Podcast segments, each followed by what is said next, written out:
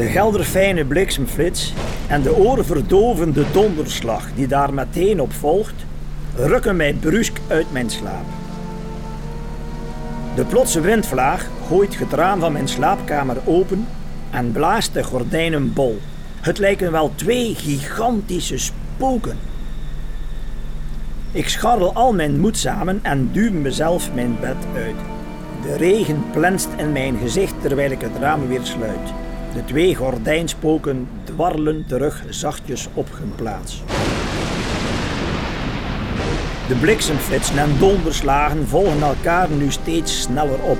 Ze worden ook harder en de tijd tussen beide is steeds korter. Het onweer komt dus dichterbij, heeft opa me nog geleerd. Bij elke bliksemflits lijkt de vijver één grote spiegel. Ik denk aan de vijf kleine eendenkuikentjes en hoe die nu allicht dicht bij elkaar gekropen onder de vleugels van hun moeder bang zitten te bibberen. Dieren zijn immers ook bang voor onweer. Het ei. Zou het ei nu ook bang zijn? Ik kijk op mijn horloge. Het is half drie in de nacht. Iedereen slaapt. Niets belet mij om even naar het ei te gaan zien. Ik knip mijn nachtlampje aan en open voorzichtig de deur van mijn kamer. De deur van het toilet piept weer, veel luider dan overdag. Maar het gepiep wordt meteen overstemd door een krakende donderslag. Ik huiver. Het lijkt wel alsof ik in een griezelfilm ben terechtgekomen. Maar ik ben, vreemd genoeg, niet bang. Of toch maar een beetje. Maar mijn nieuwsgierigheid is groter dan mijn angst. Ik moet gewoon naar het ei. Het lijkt wel of het ei me roept. Mijn handen beven als ik de doorspoelknop losgroef en het deksel van de waterbak neem.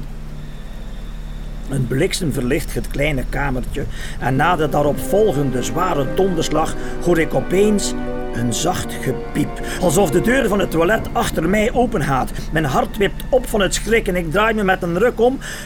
Maar de deur van het toilet blijft dicht. Een verblindende bliksemschicht knettert door de lucht. De zware donderslag doet het hele huis trillen. Nu word ik eerlijk gezegd toch wel een beetje bang. Het gedonder houdt niet meer op. De ene bliksem na de andere schiet nu uit de hemel en flitst telkens het toilet in een ijskoud licht. En dan, tussen twee oorverdovende donderslagen in, hoor ik opeens weer datzelfde fijne gepiep. Een enorme donderknal doet het glas in het kleine raampje trillen. Daarna is het heel even onaards stil. Niet meer dan een paar hartslagen, maar net genoeg om te horen dat het gepiep uit het ei komt.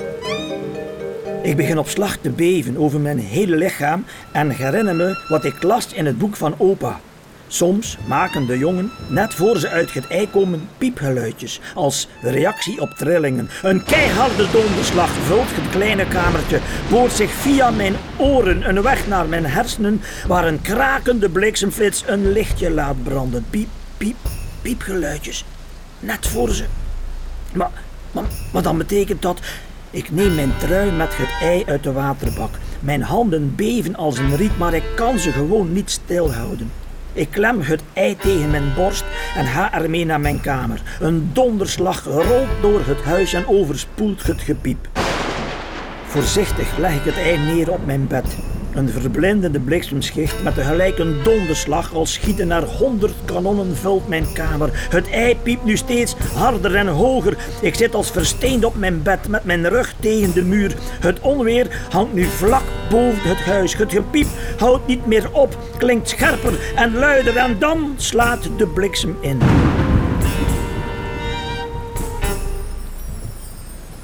Gelukkig heeft opa destijds stevige bliksemafleiders op getak laten plaatsen. Maar toch gaat een rilling door het hele gebouw. De donderslag snijdt net niet mijn trommelvlies stuk. Het zweet parelt op mijn voorhoofd. Mijn hart gaat als een gek tekeer en bonkt bijna uit mijn borstkas. Ik sla mijn handen voor mijn ogen en zie, plots, een donkerbruine man in mijn kamer. Hij draagt grote, felgekleurde veren op zijn hoofd, een parelmoeren schelp door zijn neus en zijn gezicht is geschilderd in rood, geel en blauw. Zijn ogen zitten diep en kijken mij strak, maar vriendelijk aan. Ik droom. Ik, ik, droom. Dit, dit, dit kan niet. Ik kijk door mijn vingers heen en spied gespannen mijn kamer rond. Maar er is niemand. Het gepiep is gestopt en het onweer ebt weg. En dan zie ik in het licht van een laatste zachte bliksem dat de schaal van het ei gebarsten is. Heel ver rommelt de donder. Voldaan.